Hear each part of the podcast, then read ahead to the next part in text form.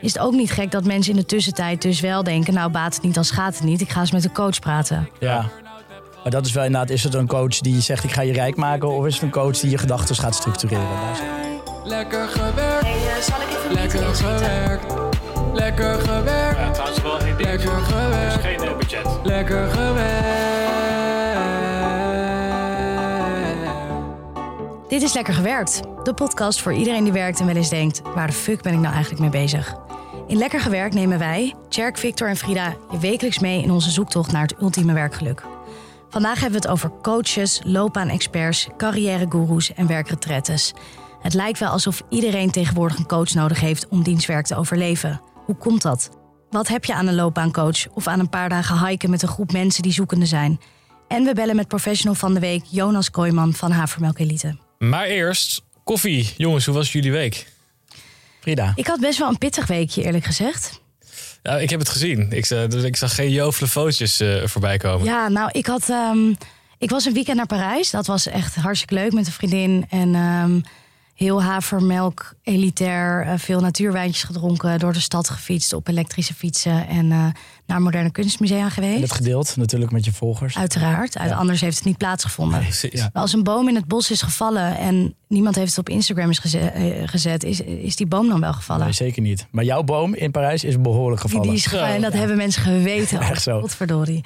Ehm, maar mijn kies is getrokken afgelopen Oeh. maandag.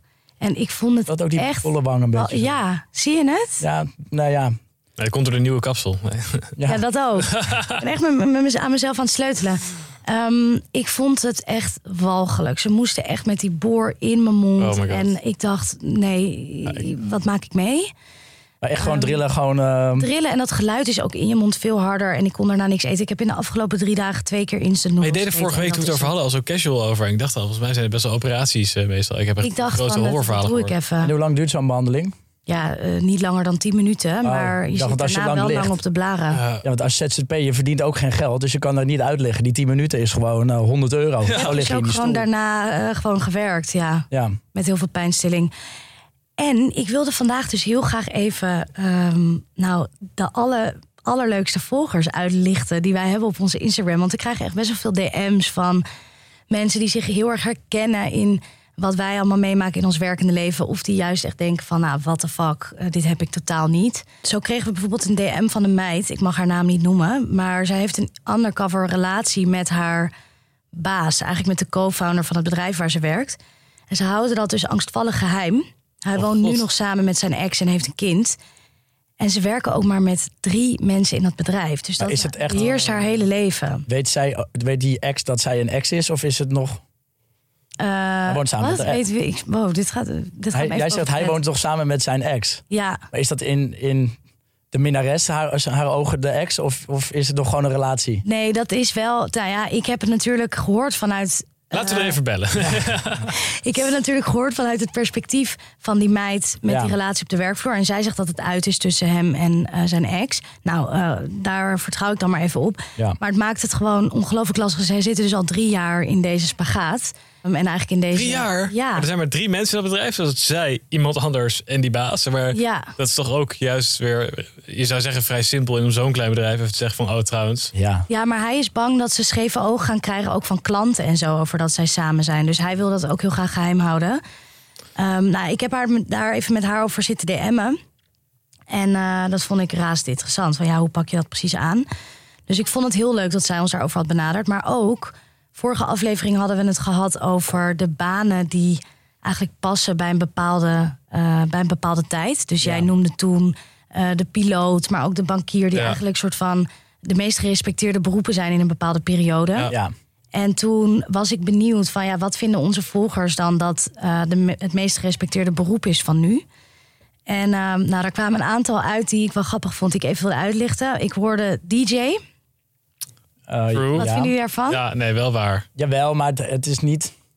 Het he- heeft misschien alsnog een soort van ehm risico Van, oh, DJ, ja, moet je dat nou wel doen? Terwijl bankier was gewoon solide. Je kon gewoon geld verdienen. Dat komt helemaal goed. Nee, dat klopt. Maar dat is dus ook in een tijd waarin een solide baan dan dus ook heel Ja, dat is belangrijk wel waar. Terwijl ik vind later is het, je noemde toen ook van ondernemer, dan is het juist ook heel tof om risico's te nemen en om te laten zien dat je dat aandurft. Ja, zeker. Nee, je hebt, me- je hebt me helemaal... ehm, Ja, ben je over? Ja. Top. Ja. Nou, dus DJ hoorden we, maar ook eh kitesurfleraar. Heel random.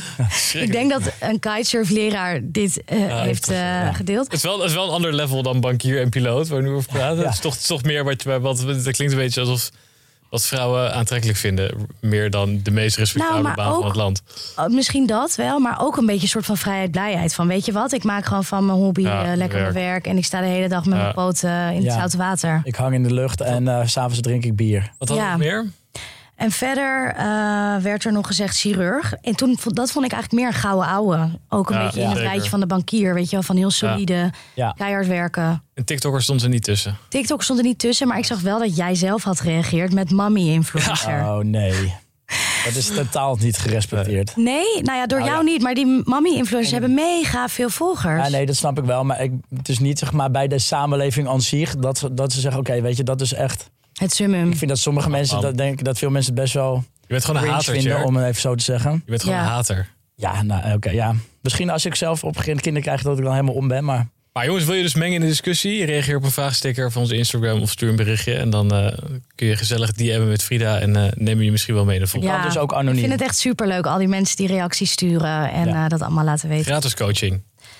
Van mij? Of Ja, jij doet Instagram. ja. Ik doe de TikTok, daar kun je niet DM'en, mezelf dat scheelt. al, eh, Nou ja, Frida, jij bent ehm, dit weekend in ehm, Parijs geweest. Ik ben een weekendje naar Barcelona geweest met wat eh, vrienden. Eh, Leuk. En ik had mijn laptop mee. Ik dacht, ga toch nog even wat dingen in de gaten houden. Maar eigenlijk dag één viel die uit en ik had geen oplader mee. Oh, Dus, geluk ehm, bij een ongeluk. Ja, eigenlijk wel, want het, ja, ja, het was ook eigenlijk allemaal prima. Ehm, dus ik heb het redelijk losgelaten. Maar wat ik wel heb gedaan, is een beetje over de werkdoelen nagedacht. Van wat moet ik nou voor ja, idee of concept gaan, gaan uit, ehm, ontwikkelen. En nou, ik heb het misschien niet Jij helemaal... bent er zo goed mee aan de slag. Goed, hè? Ja. Ja, Ik hulde. heb het niet helemaal op de booking manier gedaan, want daar moest ik altijd met, met data aankomen en het onderbouwen. En nou ja, weet je wel, met een sterk verhaal komen. Ik heb nu gewoon, ja, ik denk aan een biertje ergens eh, slap in verhaal. Barcelona in één keer gewoon gedacht, van, ik ga deze twee ehm, eh, ja, ideeën uit, uitwerken. En dat is één, dat, ja, de yoga party, de yoga retreat die ik had ehm, genoemd. En ehm, ja, een soort hardloopweekend. Dus helemaal om, eh, om hardlopen Ga je heen. niet meer voor de Star Party? Ja, dat vind ik toch, die vind ik toch wat, wat lastiger Dat is dan. wel echt een niche natuurlijk, hè? Dat is wel een heel echt niet. Ik ga eerst deze opzetten en dan daarna eventueel de Star Party. Een hardloopweekend, die had ik nog niet voorbij horen komen. Nee, maar die had ik al langer zelf in mijn hoofd. Dus, die, ehm, dus eigenlijk helemaal om het eh, trainen voor een marathon heen. Ehm, dus Ah. daar, eh, ja. Dus Maar is ik dat, doe je dat op het strand? eh, nee, we kan ook in de duinen of in het bos. Oh ja, ja. Kan eigenlijk overal. Er zijn genoeg. Je kan door het Mullersand rennen, je kan door de duinen rennen, je kan eigenlijk overal. half je- marathon rennen door Mullenzand, dan kom je zonder Engels thuis, denk ik. dus eh, wij gaan daar, eh, ja, goede mensen met goede tijden gaan we daar neerzetten. En ehm, is dan het idee dat je zo'n weekend organiseert voor mensen die aan het voorbereiden zijn voor een marathon die dan een paar weken later plaatsvindt of zo? Ja, dus ik moet ook even kijken wat de goede timing is. Want je hebt voor mij in februari, maart best wel wat marathons. Dus je bijvoorbeeld zeggen drie dagen van tevoren. Marathons. Marathon. Lieden. Marathons. Heb je heel veel lieden die marathons gaan rennen? Lieden, als je nee, oké, maar ehm, dat je dus bij ons gaat trainen, maar dat je ook over eh, voeding gaat nadenken en over. Alleen over nadenken, maar je krijgt niks Nee, te dat, eten. ook, dat we ook kennis. We krijgen coaches krijgen we daar. Wow. Dus ik ga coaches Kijk. Mooi uitnodigen. haakje. Dus eh, dat is mijn, eh, mijn plan met, eh, met de hardloopweekenden. Wat Ik heb goed. eigenlijk een beetje een soort eh, natte vingerwerk. En hoe en- kom je, zeg maar, heb je, heb je enige reden waarom je denkt dat een hardloopweekend een succes gaat worden? Nou, omdat het wel echt. Er zijn gewoon veel hardlopers bij ons in de buurt. En ik weet als hardlopers voor een marathon gaan trainen dat ze ja, eigenlijk stoppen met, eh, met drinken. Ja, ze gaan heel erg op voeding letten. Ze hebben echt best wel veel geld te besteden, want ja, dat is hun enige doel. Dus ik dacht, ja, dan zou het best mooi zijn. Stel je voor dat je met drie vrienden gaat trainen voor een marathon. Ja. Waarom zou je dan niet een weekend ergens heen gaan? Waar je dus en eh, ja, looptraining krijgt. Waarin je ook eh, les krijgt over wat voor voeding moet je dus eten. eigenlijk moet je het dan erbij. niet zeg maar net ervoor doen, maar al veel verder daarvoor, toch? Ja, dus als denk- je begint met trainen juist. Ja, dus maar misschien ook drie of vier maanden van tevoren. Ja, ik ben Een zelf soort mijlpaal is tussendoor waar je heen kan werken, weet je Ja. naar trainingsweekends toewerken. En het is ook superleuk voor die mensen natuurlijk om andere mensen te ontmoeten die dat ook gaan doen. En Want ik ben zelf geen. eh, ik heb een zelf nooit voor een marathon, een marathon gerend. Of marathons. Maar eh, als jullie nog lieden kennen die voor een marathon eh, aan het trainen zijn, dan wil ik graag met ze praten. Want ik wil daar wat meer over, eh, over leren. Leuk, ik nu heb wel een paar Die, mensen. die een marathon gaat rennen. Maar als ik iemand vind, dan... eh, Eh, ja, dus als iemand luistert die een marathon gaat rennen of trainen, ja, laat het even horen. Dan wil ik wel even met je praten. Top. Hoe gaat het bij jou, Fik, met de werkdoelen? Ja, redelijk rustige week. Niet veel nieuwe aanvragen. Dus dat is wel eh, de, eerste maand. Is dat het, dan eh, helemaal eh, handen in het haar als je minder klussen krijgt? Nee, nee, totaal niet. Want ik, ik heb de vorige maand veel meer verdiend dan ik uitgeef. Dus ik, heb, eh, ik, heb, ik overleef prima. Is het ook de tijd van het jaar dan? Of? Ja, je zou ze- zeggen dat de zomer is, is. Mijn management zei dat de zomer rustig is en dat het vanaf september weer meer zou moeten gaan lopen. Dus ik verwacht wel dat er meer komt. Er zitten wel dingen in de pijpleiding hoor, maar er is gewoon nog niks de hand geschud en eh, echt een afspraak gemaakt. Ehm, en wat ik heel merk is dat alle netwerkevenementjes en premières en dingetjes, die, die, eh, dat zijn echt mega veel ineens. Echt eh, drie, vier per week. Dus zit je in een soort pool dan of zo in één keer dat je wordt gevraagd door iedereen? Ja, ik, Van, nou ja, deze flatrol komt overal nee, dus je moet wel een selectie Foto, maken. Dat is een smoel toch? Zo'n zo'n plaatje. Nee, ik was gisteren bij een boekpresentatie. Eh, volgende week heb ik weer twee netwerkborrels gewoon van bedrijven waar je mee hebt samengewerkt, die je dan uitnodigen. Van bedrijven, maar het is toch helemaal niet boeiend, of wel? Ja, want er komen ook weer andere eh, mensen heen. Maar ik was afgelopen vrijdag bijvoorbeeld bij een feest van Stelts. Eh, en daar komen gewoon heel veel andere mensen van TikTok kwamen daar ook heen. En het is ook superleuk om mensen in het echt te ontmoeten. En ook gewoon natuurlijk gewoon om te netwerken wel handig. En ben jij dan starstruck bij andere TikTokkers? Nee, nee, nee. En als je het zou zijn, dan zou je het natuurlijk niet laten zien. Eh, Zou je het ook niet hier zeggen misschien? Jawel, ik zou het wel zeggen. Maar ik ben niet... Nee, nee. Je hebt Ga je gewoon... dan wel een beetje opdringen, zoals Frida bij die directeur, dat je tegen, tegen iemand aanbotst? Nee, nee, want je kent elkaar allemaal gewoon van online. Dus Oh. je, je, je ziet elkaar en dat is gewoon leuk en gezellig. En eh, ja, het is leuk om eh, die mensen in het echt te ontmoeten. Maar ja, er is weinig in de, in de... Er zit wel wat in de pijplijn, maar weinig concrete deals nu. Dus het is, eh, ja, spannend is niet. Niet met de handen in het haar. Maar ik heb wel vertrouwen dat het weer gaat eh, lopen. Maar ja, dan heb je weer tijd voor, eh, voor andere dingetjes. Ik heb mijn LinkedIn gepimpt, Frida. Wat goed. Ik zag trouwens zijn. nou dat je ook op mijn eh, LinkedIn hebt gekeken. Ja, Stond er iets? eh, nee. Nee. nee. Er stond heel weinig over je hotel ook nog op. Dus ik ben wel heel teleurgesteld. Maar... En ik ben met YouTube begonnen. Heb jij nog steeds niks over je hotel op je Het staat pagina klaar, maar ik staan? moet hem nog afwerken, de tekst. Nee, ja, ik vind dit echt een... Ik, Het gaat deze hier week zit gebeuren. wel, Hier zit wel een Ah, hij heeft zo, weerstand. hij heeft Het zo gaat zijn deze best trouwens hard op weekend. Dus deze yoga week, ik kan je de teksten laten lezen, ze staan klaar. Is toch dat kapsel, hè? Het is Het is wel een afspraak kapsel. dan. Dan is dat volgende aflevering. Ja, is dat. Ga ik zo. Oké, top. Niet zo streng, vriend. Hij heeft Ja, ja, hoezo? Ja, ik heb het idee dat hier een weerstand zit. Nee, ja, het is meer gewoon de, de afmaken van de tekst. Van wat ga ik er nou goed, goed opzetten? En dan denk ik, ja, ik heb weer wat beters te doen. Ja. Allemaal dat je je oplader was vergeten, toch, Cher? Ja, dat kwam door mijn Nog buiten je macht. Ja. Oh, nou, Misschien fijn dat jullie elkaar eh, uit de wind Lekker, houden. ja. Wat vind ik in godsnaam goed personeel? Ik eh, zal even een meeting inschieten, guys. Ja, nee jongens, wacht even. Baas moet een plasje. Dit seizoen van Lekker Gewerkt maak ik, Frida Boeken, speciaal voor jou ook een serie met gevraagd advies van experts. Zo help ik je om jouw werkende leven net even naar de next level te tillen. Want hoeveel tijd ben jij per week met je werk bezig? Precies. Dan is het niet gek dat je werk wil doen dat echt bij je past en de boel goed wil regelen voor jezelf. Zit je in de knoop met je werk of met je carrière? Weet je niet waar je naartoe wil en vind je het lastig om keuzes te maken? Maar durft je tot nu toe nog geen hulp in te schakelen? Dan ben je bij deze podcast aan het juiste adres. Ik zit hier vandaag met Ragna Indra, onder andere coach, trainer en schrijfster. En we gaan het hebben over vragen waarmee veel twintigers en dertigers bij haar komen. Eh, maar is er iets in je hoofd wat al jaren tegen je zegt: ik wil met een schildercursus beginnen? Of ik wil eh, met een vormgevingsprogramma eh, op de computer leren werken? Of ik wil me in fotografie gaan verdiepen? En soms is het al voldoende om te zeggen: ik ga een uur per week. ehm, In de baas van tijd dan hopelijk, toch? in de absoluut in de basistijd. Want het mag natuurlijk sowieso ten koste van je werktijd gaan. Eh, ga ik daar eens wat tijd in investeren? Ik wil eigenlijk even beginnen met een paar stellingen. Eh, die gaan over eh, nou, coaching en eh, loopbaan, eh, experts en eh, dat soort dingen. Het is volkomen normaal dat heel veel jonge mensen tegenwoordig een coach denken nodig te hebben bij hun werkende leven. Ehm, ja, lastig. Het voelt heel normaal omdat heel veel mensen het doen. Maar, ja, maar als je net begint, ja, weet je, dan moet je het zelf niet een beetje uitzoeken. Nou, ik ben daar heel erg een coach van. bij nodig. Ik, ik heb nog nooit de behoefte gehad om een coach of iets te zoeken. En natuurlijk, iedereen moet doen waar je zich eh, fijn bij voelt. Maar ik heb nog nooit de behoefte daarvoor gehad. En ik denk ook dat het wel gezond is om zelf inderdaad echt je best te doen... voordat je misschien meteen naar een coach stapt om dingen uit te vogelen. Maar ik heb daar sowieso een beetje aversie tegen als mensen tegen me zeggen wat ik moet doen of zo. Weet je wel. Dat- Ik heb ook nog nooit in Dat mijn is wel- privéleven een therapeut gehad. Of ik, een sportklasje of zo. Vind ik ook verschrikkelijk als iemand gaat zeggen wat je moet doen. Eh, dus ik doe sowieso alles liefst. Echt mee. moeite met autoriteit, hè? Ja, verschrikkelijk. Ja, niet, ja, nee, ja, ik Eigenlijk bij de coach moet je het zelf doen, hè? Ja, want de coach die stelt eigenlijk alleen maar, die houdt jou een soort spiegel voor. Eh, die stelt jou eigenlijk wedervragen om jou zelf het antwoord te laten vinden op bepaalde vragen die voor jou belangrijk zijn. Maar ik stel te- mezelf dan liever die vraag. Ja, maar ja, ja. Oké. Nou, kijk, Ah. ik denk, het is heel veel mensen eh, die eh, zoeken tegenwoordig hun hel bij eh, loopbaancoaches of eh andersoortige coaches. En daar wordt ook best wel vaak over gezegd dat dat dom is. En eh, daar hangt ook wel een beetje een stigma omheen van Jezus, iedereen gaat maar naar een coach. Alleen, ik vind ook wel weer als je echt alles uit het leven wil halen. Ja, let's go. Weet je wel, als jij dan denkt dat je er misschien iets aan kan hebben om met, daar, om met iemand daarover te praten, waarom niet? Want topsporters, CEO's, popsterren, die doen het ook allemaal. Ja, waarom dan de normale stervelingen niet?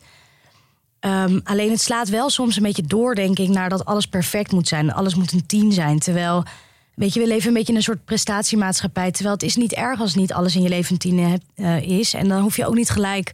Nee, maar de eh, voorbeelden die je noemt met die supersterren en die CEO's, maar, dat zijn natuurlijk wel mensen die met immense druk te maken hebben, waar- waarbij je denk ik gewoon echt insane wordt als je niet met iemand praat. Eh, en voor de normale mens is dat natuurlijk wel anders. Want je hebt gewoon in principe een normaal leven. En natuurlijk, als je echt ergens Maar ik denk zit... dat dat best wel vaak ook relatief is, zeg maar. En in jouw ervaring. Kijk, iedereen heeft alleen de ervaring van zijn eigen leven. Dus als jij vroeger een kleurplaat kwijtraakt op de basisschool, dan voelde dat ook als het einde van de wereld. Snap je wat ik Ja. bedoel? Dus je ziet het ook in het perspectief van je eigen leven. Ja, maar ik denk dat het wel goed is als je zelf ook met problemen leert te dealen. En in elk geval probeert het zelf op te lossen voordat je naar een coach gaat. Kijk, tuurlijk moet je het doen als het goed voelt, moet je het doen als je er echt behoefte aan hebt. Ga ervoor. Eh, maar ik zou wel aanraden om altijd eerst te kijken wat kan ik hier zelf aan doen voordat je meteen een hulplijn inschakelt. Het moet wel een soort van. Het kan wel een soort structuur geven aan je gedachtegang van waar ga ik heen. Maar het, zal, het is niet de heilige graal naar geluk. Als je geen werkgeluk hebt of zo, ja, dan, dan moet je voor de carrière switch gaan. Maar dan zou ik niet de coach aanraden. Nee, nou ja, een coach kan dan denk ik wel dus ook weer dat duwtje geven waar we het vorige aflevering over hadden. eh, door jou bijvoorbeeld een vraag te stellen. Maar Oké. volgens mij duidelijk. Eh, tweede quote, of eh, tweede stelling. Het is volkomen normaal dat het aantal coaches in de afgelopen jaren is verviervoudigd. Ja, normaal is het natuurlijk niet. Eh, Viervoudig. Ik vind dat ook, je noemt het even, maar ik vind het ook een vrij schokkende zijn dit ja, getal. Of niet, het is geen getal, maar ja. Zijn het alleen carrièrecoaches of ook gewoon therapeuten en Wanneer- Nee, maar ze zijn dus niet therapeuten, want ze zijn ingeschreven bij de KVK. En ze hebben, want coaching is niet een beschermde beroepsgroep. Terwijl als jij therapeut bent, eh, daar moet je volgens mij wel degelijk een bepaalde opleiding Ja. voor hebben gevolgd. Dus Nou ja, dat is wel een beetje het, het, denk ik het schokkende. Van wat zit hier allemaal, zit hier echt allemaal oprecht, oprechte mensen met, met kwaliteit en kennis tussen? Of zijn het ook allemaal een beetje charlatans die maar, ja, ja, die maar wat doen? Want het is ook een beetje de vraag van, moet je als coach ook ervaring hebben met een, met een onderwerp? Of kan je maar gewoon, eh, ik ben twintig, ik ben afgestudeerd, ik word nu carrière En dat zie je natuurlijk heel veel op LinkedIn of eh, op Instagram. Dat er gewoon, kijk, vroeger had je die kwakzalvers, die dokters, die chirurgen die een steen, eh, zogenaamde steen uit je hoofd gingen snijden als je Ja. hoofdpijn had. En nu heb je die financiële coaches die eh, op Instagram gouden bergen beloven, terwijl ze nog bij hun ouders wonen en twintig zijn. Ja, Ja. Ja, nou ja, dus dat is het Kijk, wel. dat vind ik nergens op slaan. Maar het is ook niet zo raar dat er zoveel coaches zijn. Als je bijvoorbeeld kijkt naar het tekort in de zorg en hoeveel lange wachtrijen er zijn bij psychologen en therapeuten, is het ook niet gek dat mensen in de tussentijd dus wel denken: nou, baat het niet als gaat het niet. Ik ga eens met de coach praten. Ja. Maar dat is wel inderdaad, is het een coach die zegt ik ga je rijk maken? Of is het een coach die je gedachten gaat structureren? Daar zit nog ook wel een verschil tussen. De professional van deze week is Jonas Kooijman, oftewel Havermelk Elite. Hij schrijft als journalist over de Havermelk Elite, een term die hij zelf heeft bedacht en gaat over de jonge stedelingen die hun salaris uitgeven aan haverlattes, van moofs, natuurwijn en mindfulness cursussen. Eh, dus laten we met hem in de coaching trend duiken. Ik ga hem even bellen. Ik ben ook echt mega fangirl van hem, dus ik vind het echt geweldig. Jullie? Ehm, nou ja, ik heb het op jouw aanraden, heb ik de Instagram be- bekeken. ik vind het een leuk account. Ja, het is een leuk account. Ik Ja, hij schrijft al- ook allemaal leuke stukken, hè? ach- Achteraf heb ik ook al meerdere mensen al over gehoord. Maar Ja. ik had niet de link gelegd met de ha havermelk elite. Hij heeft ook nog een soort nieuwsbrief in daar, maar daar moet je voor betalen. Dus en doe ik er weer niet mee. wat, wat voor nieuws krijg je dan? Typisch. Nou, dat weet ik dus Over niet. de nieuwste, eh, nieuwste koffietentjes. Ja, En, precies, kunnen we misschien zo even vragen. Professional van de week. Met Jonas. Hey Jonas, je spreekt met Frida van Lekker Gewerkt. En met Fik. Hey Frida. en check. Hey, wij zijn hier met z'n drieën in de studio. Leuk dat we jou even mogen bellen. Yes. Ehm, volgens mij ben jij een expert op het gebied van alle trends die te maken hebben met eh, jonge stedelingen tegenwoordig. En ehm, die gaan ook heel veel naar coaches. Klopt, klopt. Ja, want jij eh, je schrijft natuurlijk veel over, over de Van Bovenste en, en ook over coaches. Maar ben je zelf eigenlijk wel eens naar een coach of een carrièregoeroe geweest? Nou, ik ben zelf nooit echt eh, één op één naar een, eh, een coach geweest, moet ik zeggen. Maar op mijn werk bieden ze het wel aan van, van die cursussen. Dus ik heb wel bijvoorbeeld een tijdje ehm, een, een mindfulness cursus gevolgd op mijn werk.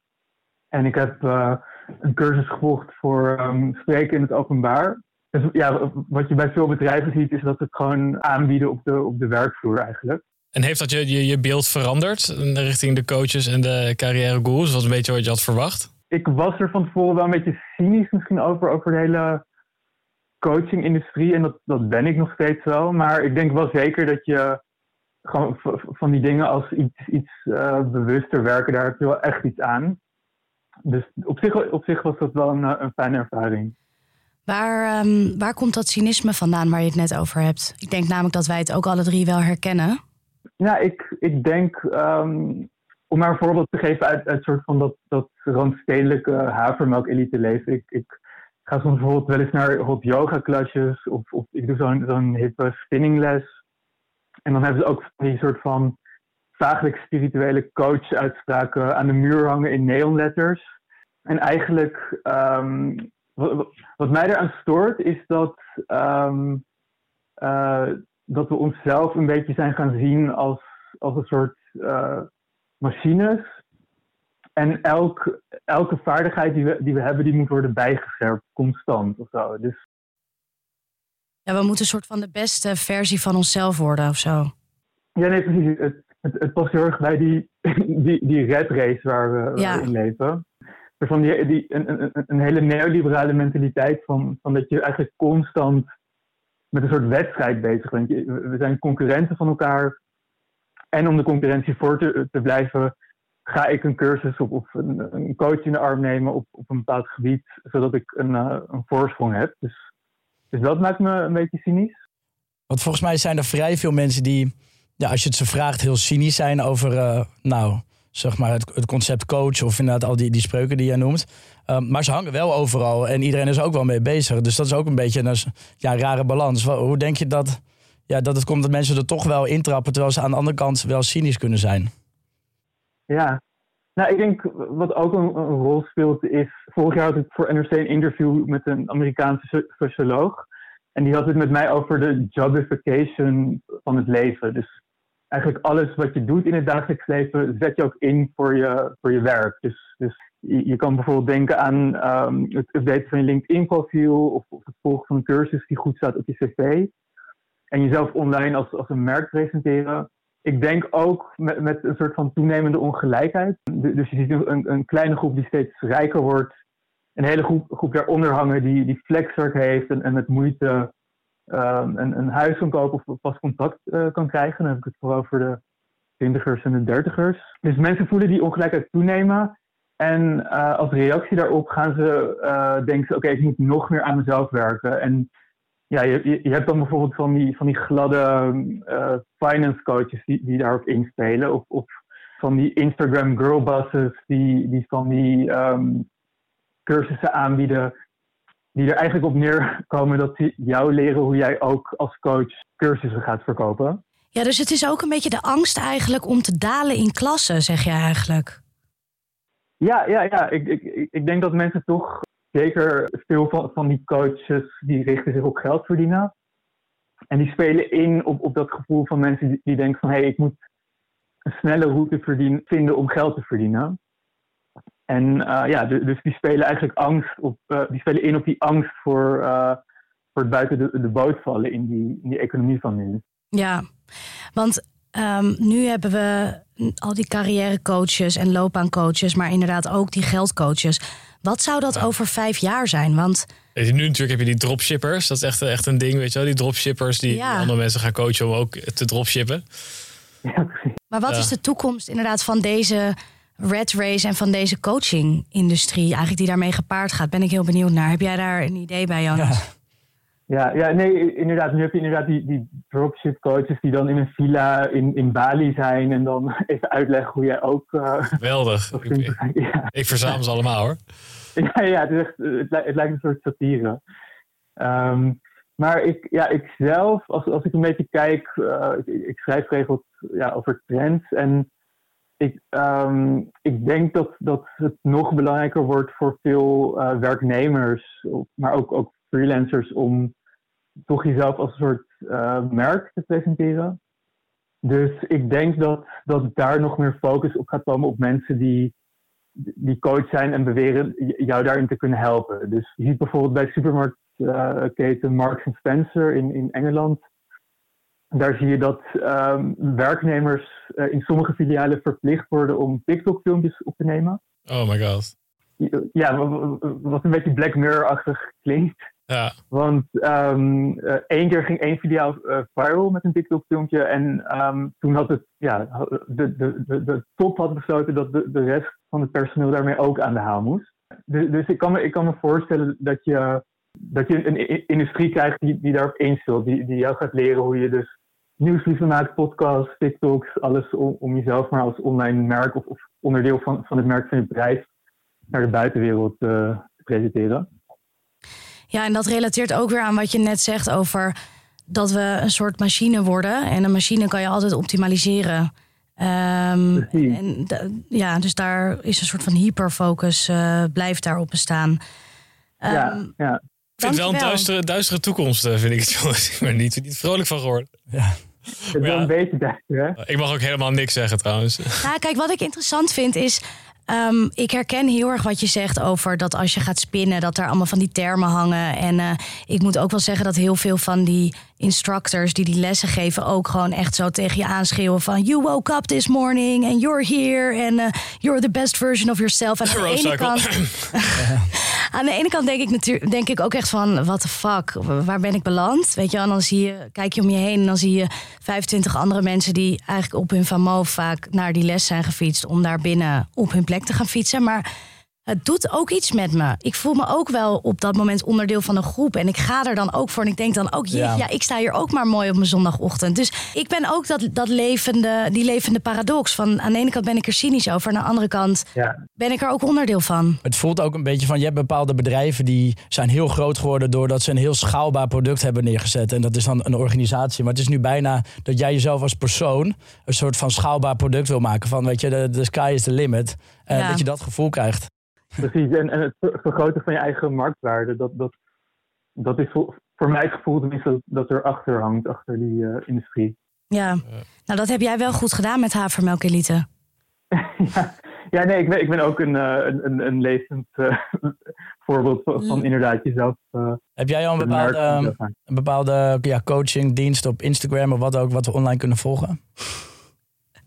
Nee, nee, maar ik, ik, ik, geef wel af en toe, um, uh, heel soms geef ik bijvoorbeeld een lezing. En, en ik, ik, heb ook wel eens zelf dan een coaching sessie gegeven.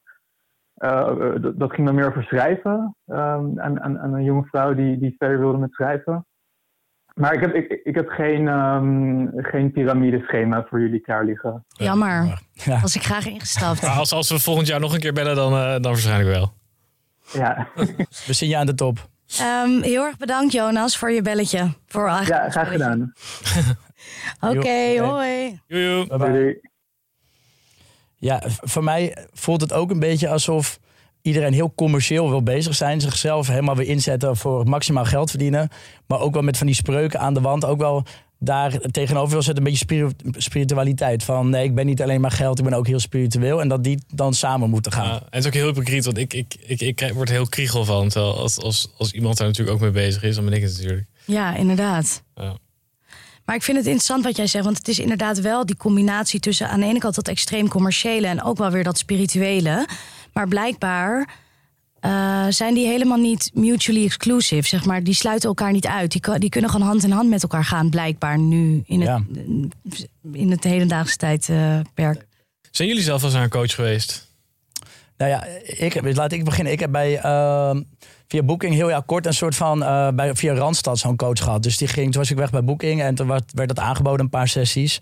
Ehm, maar ik vond het heel verwarrend. Als onderdeel eigenlijk van ja, jouw... van, je trans- eh, van je transitie, eigenlijk vergoeding. Ja. En die vrouw ja, was voor de rest heel aardig, maar ze kwam echt een paar keer echt flink te laat. En ze kwam echt, ze was gewoon keihard aan het liegen erover. Eh, Tegen dat- wie? Nou, tegen mij dat ze in de file had gestaan, terwijl er waren helemaal geen files. Ik ging dat toen opzoeken. Ah, Ehm, classic Cherokee. ja, maar dat maakt op zich niet zoveel uit. Maar dan ging, moest ik banen gaan Doe opzoeken. jij dat altijd als iemand zegt van ik heb in de file gestaan? Nee, want ik maakte niet, maar ze was zo vaak te laat. Op een gegeven moment dat ze weer eens moest, dus toen heb ik het opgezocht. Mm. Maar dan moest ik op een gegeven moment banen gaan opzoeken. eh, die, waarvan ik dacht dat ze leuk waren. En dan moest ik dat aan haar vertellen. Dus ik zei, nou, heb ik deze baan gevonden. En dan zei ze van, oh leuk. Oh, le- oh, leuk, ging ze zo. En toen zei ik, nou, dit, oh, dat is ook leuk. Ging ze zo, dacht ik, ben ik nou voor jouw baan aan het zoeken... of ben je Ja. mij nou aan het helpen? Want ze vond alles heel leuk, maar ze kon er niks over zeggen. Maar, Maar dit is wel echt hoe coaches voor me zie. Gewoon, gewoon Ja. alleen maar lege quotes. Misschien ook een heel slecht voorbeeld. Maar kijken jullie Married at First Sight? Nee. Dat is een, nou, dan gaan mensen die gaan dan meteen trouwen. Nou, die gaan dan allemaal daten met elkaar. En dan komen er, komt als er zo'n coach doorheen. Die gaat dan iets over, over hun zeggen. Of dan gaan ze met z'n drieën een gesprek voeren. En gewoon letterlijk alles wat die mensen zeggen. Die doen echt fucking interessant met de onzin die ze uitkramen. Maar iedereen kan dat bedenken die naar die situatie kijkt. Weet je wel? Ja. Dan- Ja, maar dat is van die, van die lege, lege zinnen. Maar dat Ja, als heel dat erg iemand een beeld sterrenbeeld gaat uitleggen of zo. Dat is Ja. toch wat ik er heel erg heb. Het beeld Ja. bij coaches. Denk ik toch Maar dit, is dus, van- dit was ook Randstad. En die werd ingehuurd door Booking. Dus bedoel, het zijn, dit zijn gewoon... Dat zouden gewoon professionals Ja, moeten professionals moeten zijn. Ja, ik vond het echt heel slecht. En ik heb ook aan, aan het einde gezegd: van, nou, voor mij heeft het niet heel veel zin gehad. Ik vond het ja, niet heel boeiend. Maar zij hadden, je- ze gingen vooral met jou brainstormen over opties voor jouw werk. Ja. Of ging ze ook wel echt kijken van waar liggen jouw talenten? Dus Wat zijn je wa- Ja, je had, talenten? Wat zijn je waarden? maar had je wel van die, je kon van die online courses doen. Maar dat, ja, weet je, dat mocht je dan ook weer op eigen initiatief doen. Ze gingen inderdaad, we gingen LinkedIn aanpassen. Nou, op zich was dat niet. eh, Dat is niet gelukt. hè? Nee. Nee, wel, die hebben we toen hebben we gedaan. Dat is de laatste update die ik heb, eh, heb gedaan.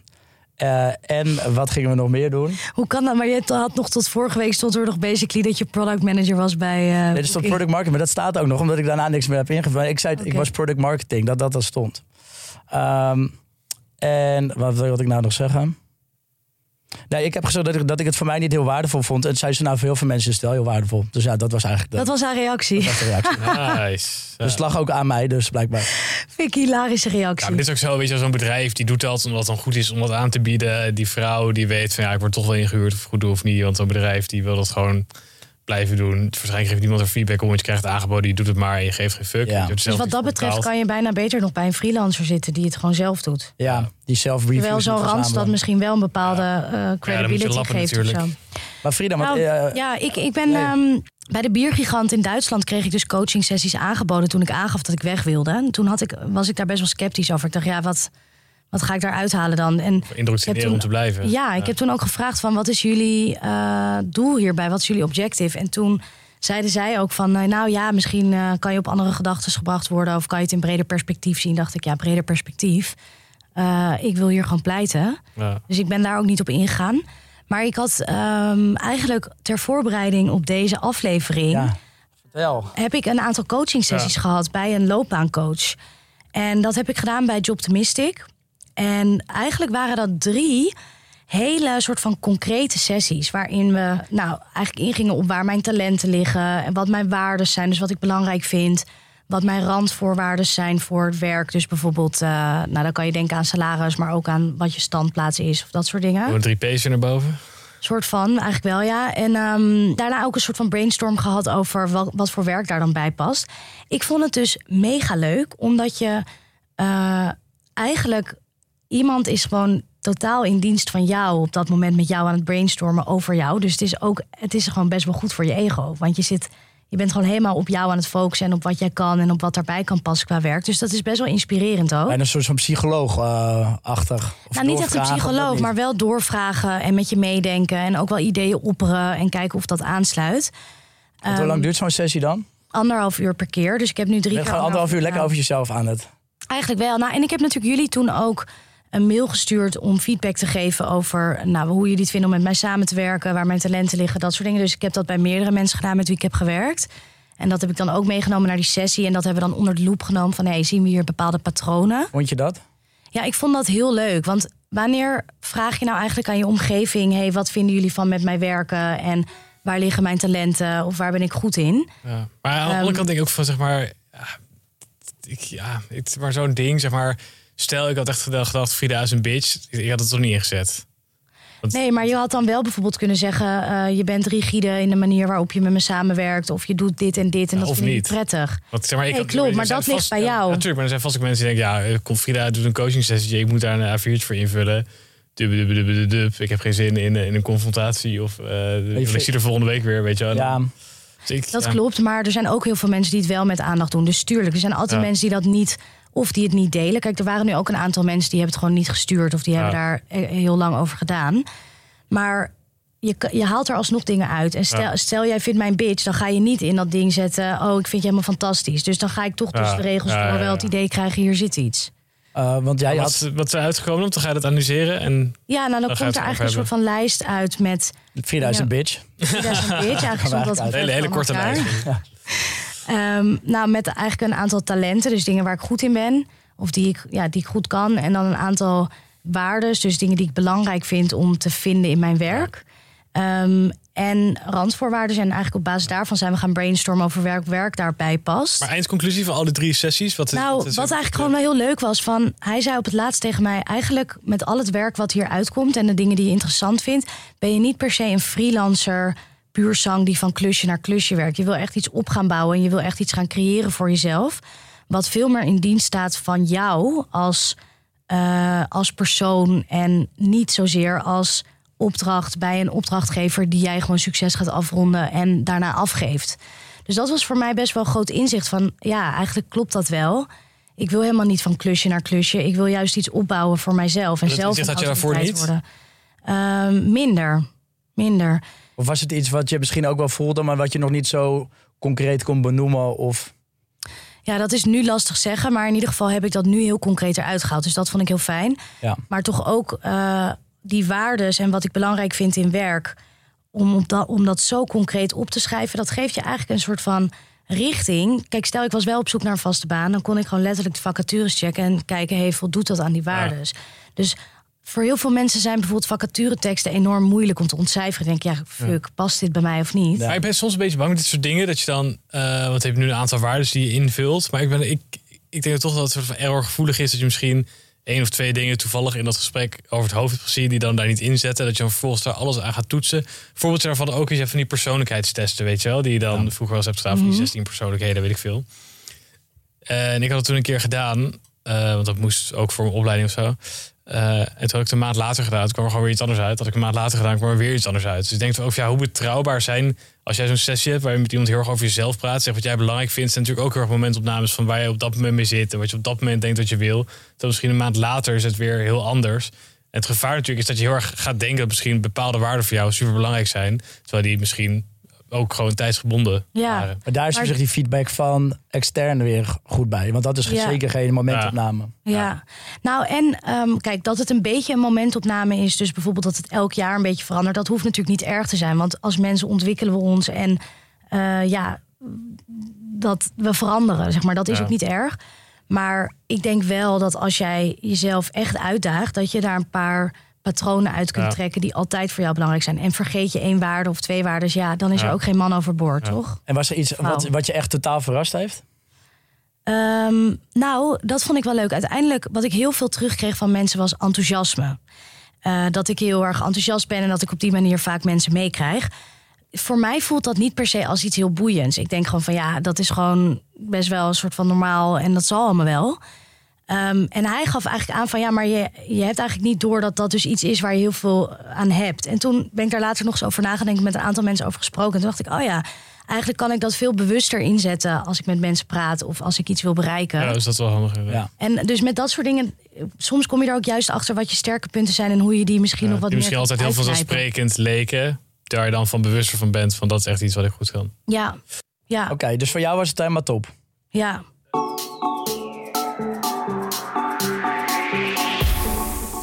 En eh, natuurlijk hebben we deze week ook weer een sponsor. Dat is Probeer de Bond, eh, eh, onderdeel van CNV Vakmensen. En om het ook een beetje aan deze aflevering te linken, dacht ik... Ja, kijk, ik dacht er zijn ook mensen die helemaal gek worden op kantoor. Die zitten in een soort sleur en die hoeft niet gelijk een soort van coach te nemen. Maar die kunnen ook wel lekker in het buitenland gaan werken. Dat zie je heel veel. Eh nou, voor ZZP'ers lijkt me dat eh, ja, vrij makkelijk. Maar mag dat ook zomaar als je in loondienst bent? Ja, dat hangt een beetje af van de standplaats in je, in CAO. Of jij, eh, of jij een maandje mag gaan tikken vanaf Sicilië. Er zijn wel regels aan verbonden. Uh, dus als je vanaf het buitenland wil werken, heeft je uh, werkgever daar wel een acceptatieplicht voor. Dat wil zeggen dat je alleen met gegronde reden zo'n verzoek mag uh, weigeren. dus als je naar het buitenland wil om te werken, heeft je werkgever geen acceptatieplicht. dus het is wel Oh, een beetje een grijs gebied. Maar er moet Kan wel, geweigerd worden. het kan geweigerd worden, maar dat moet wel met gegronde reden zijn, zeg maar. Veel werkgevers zijn door de coronacrisis natuurlijk wel flexibeler geworden.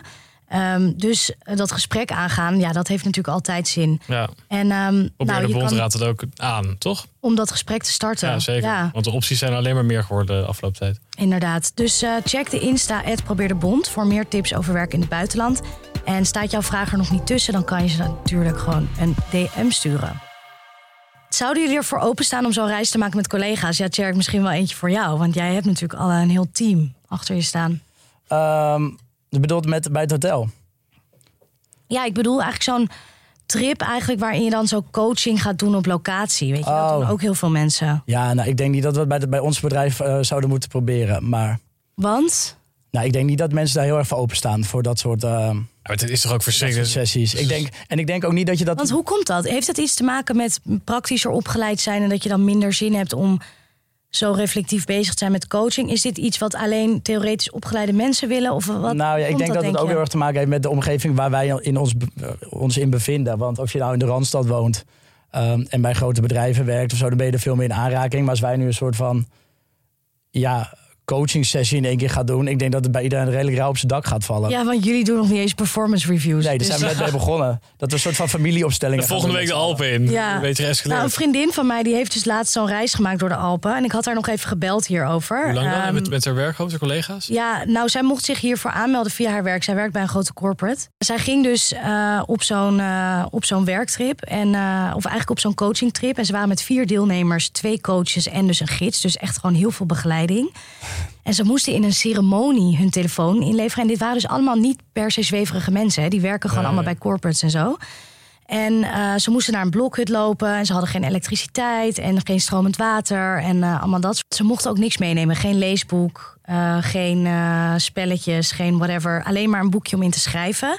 En dan gingen ze heel veel in stilte door de bergen lopen. En dan gingen ze ook weer in een ceremonie praten over hun energie. En dan moesten ze hun energie een kleur geven. En nou ja, allemaal dat soort dingen. Walgelijk. En wat ik gewoon heel grappig vond, wat zij vertelde, is dat al die mensen die hier mee hadden gedaan, die hebben dus ook voor duizenden euro's gear gekocht om zo'n soort trip te kunnen maken. Bepaalde broeken, bepaalde tassen, bepaalde waterflessen, weet ik veel wat. Ik kreeg zo'n paklijst mee en iedereen had daar dan gewoon keihard voor gespend. Voor dus dan vier dagen zo'n kampeertrip. En ehm, eh, nou, ze moesten dus heel veel in stilte wandelen. En daarna had die vriendin van mij nog een aantal dagen extra geboekt om in stilte in haar eentje te lopen. Want zij dacht, oh, als we met die groep zijn, gaan we heel veel praten. Maar goed, dat bleek dus niet zo te zijn. Toen liep ze dus daarna nog drie dagen Nee. in haar eentje door de bergen. En daarna was ze zo blij toen ze weer in de bewoonde wereld was. Dat eigenlijk dat, die switch was voor haar gewoon al eh, winnen. Ja. dat ze gewoon weer Maar terug dit, was. maar dit ligt ook precies bloot wat, waar waar ik dus niet van hou. Want het, is, eh, zeg maar, het lijkt me heerlijk om het in mijn eentje inderdaad zonder telefoon lekker door die berg te lopen. En lekker je, je kop leeg te maken. Maar als dan zoiets van, oké, we gaan een ceremonie onze telefoons leven. Oh my god, ja, ja, ja. En dan daarna van die van die van die Misschien kun jij hier een. TikTok over maken. Wie weet. Maar dan Dit is wel echt een Ik denk, onderwerp. als jij meegaat, jij investeert één keer een paar duizend euro aan materiaal en die training. kan een jaar ga er een paar maken. dagen mee. Ik denk dat jij eh, een jaar lang TikTok Ja. kan maken. Ja, maar ik, ja, ik weet niet dat je zo over je dit moet gaan praten over en je kleuren moet gaan geven aan je gevoelens. Echt, echt hou op zeg. Maar Nou, ik denk en dat het je- zelf gewoon dat we in de natuur gaan en dat Dat is Zoe wel bijvoorbeeld goed. heeft gedaan. Die heeft dat drie maanden gedaan toen ze 18 was. Die is ook gewoon ergens de, de wild ingegaan met een rugzak in eh, hoe heet het? In eh, Maar ja, dan ben je 18. Dan is het ook nog niet per se zo van... oh, ik Nou, het heb zoveel het druk concept, vanuit mijn werk. Het is gewoon echt zo'n tocht en zo'n bezinning. En ook dat je soms 24 uur alleen bent. En dan, maar niet met van die coach. Nee. Waarom moet je altijd zo dan nog? Nou kijk, weet je wat ik gewoon wel interessant Was vind? dit een, een vrijwillig iets? Sorry, maar was het een vrijwillig Ja, iets of was het gewoon... Het was, een vrijwillig iets. Maar ik weet ook bijvoorbeeld een andere vriendin van mij... die heeft bij een bank gewerkt. En die gingen ook zo'n trip doen toen ze daar net in dienst was. Toen moesten ze met stoepkrijt twee, meter, twee vierkante meter om zichzelf heen tekenen. En daar moesten ze dan vier uur in blijven. En dat was gewoon in de bergen ook ergens. En dan daar nadenken over hunzelf en over hun ontwikkeling en weet ik veel wat. En wat ik er gewoon zo boeiend aan vind, is het lijkt wel of bij de banen en bij het werk wat zo ver mogelijk afstaat van onze kern als mensen, dat ze daar extra veel die bezinningsmomenten of dit soort trainingen nodig hebben om die mensen met beide benen op de grond te houden. Of Dat misschien beter een beetje kan implementeren in gewoon de bedrijfsvoering, zeg maar. Ja, het lijkt wel alsof we zo ver zijn afgedreven van waar het echt om gaat, waardoor we dan dit soort dingen soms moeten gaan doen. Ik denk dat het helemaal een toneelstuk wordt. Want dan heb je stel je voor dat wij alle drie in zo'n cirkel worden gezet. En dan moeten we gaan nadenken over van alles. Nou, dan gaat waarschijnlijk van alles door je hoofd. Van, Ja. eh, ik moet mijn hypotheek sneller aflossen. Ik moet mijn, ik moet mijn LinkedIn-pagina gaan eh, opschonen. Weet je, zulke dingen. En dan ga je op een gegeven moment ronde doen van... En Frida, waar, waar zat je aan te denken? Dat je dan met allemaal hele zwevere dingen over de betekenis van het leven Ja, komt. ja, ja. Volgens mij komen mensen ook gewoon met onzin dingen aan. Terwijl als je in die cirkel staat, ga je gewoon... Ja, sta je gewoon een beetje Ja. stom te Ja. zijn. Maar aan de andere kant denk ik eigenlijk dat je dat soort momenten van reflectie in je dagelijks leven moet inbouwen. Waardoor je niet opeens één keer per jaar in je eentje in een stoepgeitencirkel Ja. op een berg in de Alpen Ga een keer lekker mediteren. Doe een keer lekker een yogaatje. Hè? Ga een keer hardlopen. En mediteren, ik denk dat, ik heel goed, dat het heel goed is. Ja, ja dat, doe je het ook of dat niet? Eh, nee. hey jongens, eh, Ja. Conclusie. wat zou jullie coachingadvies zijn voor iedereen Ja. die denkt een coach nodig te hebben? Of die er eentje wordt aangepraat? Ja, ik denk een tien in het leven halen betekent niet dat alles een tien is. Maar dat je ook met tegenslagen om weet te gaan. En dat je dus niet altijd voor alles een coach nodig hebt. Ja, en probeer een duidelijke hulpvraag te formuleren. En dan vraag me af, kan ik dit echt niet zelf beantwoorden... voordat ik meteen een hulplijn inschakel? Of kan ik misschien gewoon... Het kan ook heel lekker zijn gewoon met een vriend even te lullen... die gewoon een beetje dingen voor je kan relativeren.